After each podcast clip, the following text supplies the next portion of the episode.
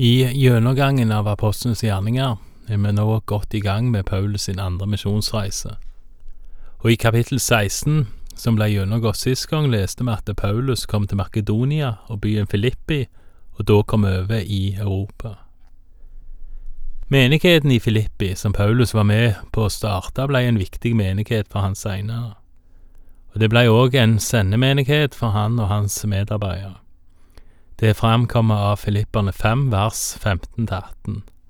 Der står det at menigheten i Filippi bidrar til Paulus sin virksomhet, både med at de sender han gaver, men òg at de holder han ansvarlige, eller til regnskap, for de gaver som er gitt, og den virksomheten han driver.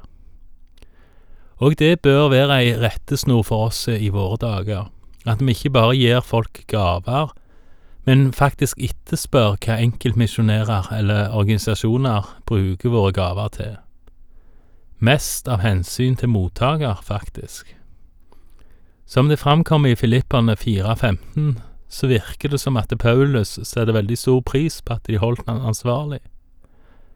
Da opplever han nok at menigheten òg er med han på en annen måte i arbeidet, en måte i tillegg til å bare gi penger. Menigheten i Filippi kom fort i gang med givertjenesten. Allerede når Paulus kom til Tessalonika, står det i Filipperbrevet, og som en snart skal lese, så er det den neste byen han stoppet i.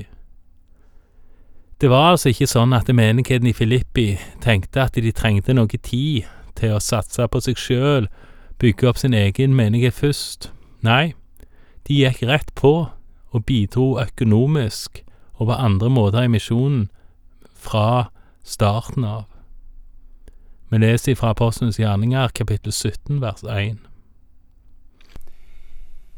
De reiste gjennom Amfipolis og Apollonia og kom til Tessalonika. Der var det en jødisk synagoge, og Paulus gikk dit som han pleide. Tre sabbater hadde han samtaler med dem ut fra Skriftene. Han åpnet Skriftene for dem og forklarte at Messias måtte lide og stå opp fra de døde. Og denne Messias, sa han, er Jesus, han som jeg forkynner for dere. Noen av dem ble overbevist og sluttet seg til Paulus og Silas. Det gjorde også en stor gruppe grekere av dem som dyrket Gud, og en god del av de fremste kvinnene. Dette gjorde jødene brennende harme, og de fikk med seg noen fra pøbelen på torget og laget et oppløp som satte byen på ende. De stormet mot huset til Jason og lette etter dem for å føre dem ut til folket. Da de ikke fant dem, slepte de Jason og noen av brødrene med seg til byens embetsmenn og ropte, Disse folkene som oppvigler hele verden, nå er de kommet hit også. Og Jason har tatt imot dem. Alle handler de stikk imot keiserens befalinger, for de påstår at en annen er konge, nemlig Jesus. Både folkemengden og byens embetsmenn ble oppskremt da de hørte dette, og Jason og de andre fikk ikke gå før de hadde stilt en pengesum som sikkerhet. Og i Tessalonika følger det det samme mønsteret som vi har sett så mange ganger før, med Paulus sine misjonsreiser. Han går til jødene først. I Filippi var det ingen synagoge der Paulus møtte jødene, derfor møtte han de ved elva, men i Tessalonika var det en synagoge, står der, og der møtte han jødene tre sabbater eller tre uker på rad. Og det han forsøkte å vise jødene, det var at Jesus var Kristus, altså Jesus var Messias, den salvede, den som jødene søkte. Noen vendte om, står det, både jøder og grekere. Men noen jøder ble òg sinte, og som det har skjedd før, så kommer òg mobben for å lage bråk denne gangen. De finner ikke Paulus og Silas, som da flytter videre til neste by. Vi leser videre om det fra vers 10. Så snart det ble natt, sendte brødrene Paulus og Silas til Berøa. Da de var kommet dit, gikk de til jødenes synagoge. Jødene der hadde et edlere sinnelag enn de i Tessalonika, og de tok imot ordet med all velvilje og gransket skriftene daglig for å se om alt stemte. Mange av dem kom til tro, det samme gjorde en del fornemme greske kvinner og mange greske menn. Men da jødene i Tessalonika fikk greie på at Paulus forkynte Guds ord også i Berøa, kom de dit og hisset opp folkemengden og laget bråk. Straks sendte brødrene Paulus av gårde for at han skulle dra ned til kysten, mens Silas og Timotius ble igjen. De som fulgte Paulus, brakte ham helt til Aten og dro tilbake med beskjed til Silas og Timotius at de skulle komme til ham så snart som mulig. Det går i utgangspunktet bedre i Berøa, grunnet jødenes edlere sinnelag, som det står. Jødene tok faktisk imot ordet, står det der, og de granska skriftene daglig for å se om det stemte. Vi har med andre ord virkelig noe å lære av jødene i Berøa. Mange jøder kom til tru, det samme gjorde òg en del grekere. Men som det òg har skjedd tidligere, så spredde ikke bare evangeliet seg fra by til by. Opprøret eller motstanden mot det gjorde det òg. Her er det da jødene fra Tessalonika som hørte at Paulus forkynte i Berøa, og da kom de for å hisse opp folkemengden der òg. Igjen reiser Paulus, denne gangen alene til Aten, mens Silas og Timoteus er igjen. Vi leser om Paulus sin tale i Aten fra vers 16. Mens Paulus ventet på dem i Aten, ble han rystet i sitt innerste over å se at byen var full av gudebilder. Paulus ble rysta av å se byen full av gudebilder. Det var nok både fordi Paulus med sin jødiske bakgrunn nok mente at det generelt sett ikke var lovlig å lage noe bilde av Gud, for det var forbudt. Dessuten så trodde han bare på én gud, og ikke på de mange som ble tilbedt i Aten. Men det jeg kanskje finner mest interessant, er at Paulus, til tross for at han ble rysta i sitt innerste, faktisk verken trekker seg tilbake eller går i et angrep som fører lite med seg. Som vi skal lese, så holder Paulus en av sine mest kjente taler etter at han har blitt rusta i sitt innerste. Men før det var han som han pleide hos jødene. Vi leser videre fra vers 17. I synagogen førte han samtaler med jødene og dem som dyrket Gud, og på torget snakket han hver dag med dem han traff der. Noen av de epikureiske og stoiske filosofene diskuterte også med ham, og noen sa, Hva er det egentlig denne pratmakeren har å si? Men andre mente, Han er visst en som forkynner fremmede guder. Det var fordi han forkynte evangeliet om Jesus og oppstandelsen. Da tok de ham med seg og førte ham til Areopagos og sa, Kan vi få vite hva for slags ny lære du kommer med? For det er merkverdige ting vi hører, og vi vil gjerne vite hva det egentlig dreier seg om. Verken atenerne eller utlendingene som bor der, bruker tiden til noe annet enn å fortelle og høre siste nytt.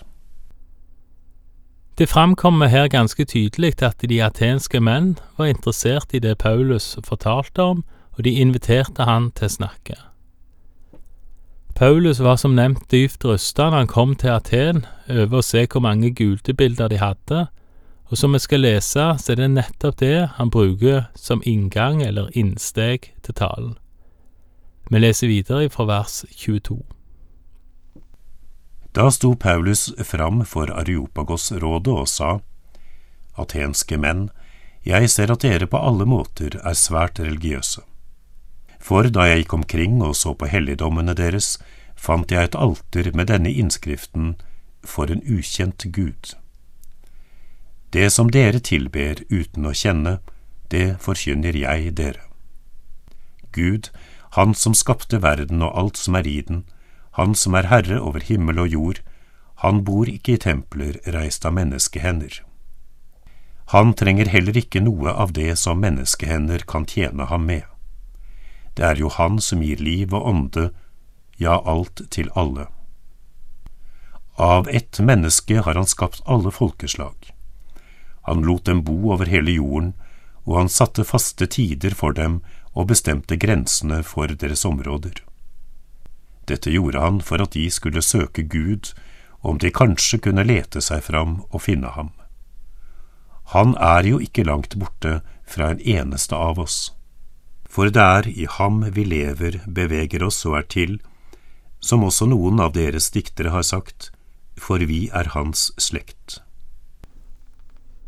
Det er ikke mange av Paulus sine taler som er gjengitt i apostlenes gjerninger, i alle fall ikke lengre deler av de. Noen av forsvarstalene kommer vi tilbake igjen til, men ellers er det få som er nevnt. Til nå er det vel bare denne til de atenske menn som vi nettopp har lest, og talen i Antiokia som ble gjennomgått i kapittel 13, som er nevnt. Og gjennomgangen av den talen i kapittel 13 så poengterte jeg at disse to talene på samme tid er veldig like og veldig forskjellige. De er veldig forskjellige på den måten at de har hvert sitt klare utgangspunkt. Veldig forskjellig utgangspunkt. Den i Antiokia var til jøder og tok utgangspunkt i deres verdensforståelse. Den vi holder på med nå, er til hedninger og tar utgangspunkt i hedningene sin verdensforståelse, eller greske hedninger sin verdensforståelse. Hadde en byttet om disse to talene, så ville de neppe fungert veldig godt. Talene er veldig like òg, og de liker på den måten at Paulus forkynner evangeliet om Jesus svært klart og veldig utfordrende. En kan kanskje si at selv om talene har hver sitt svært forskjellige utgangspunkt, så ender de på samme sted. Frelse ifra dommen får en kun ved ett navn, Jesus Kristus. Vi leser videre fra vers 29. Fordi vi altså er Guds slekt, må vi ikke tenke at guddommen ligner et bilde av gull eller sølv eller stein, formet av menneskers kunst eller tanke.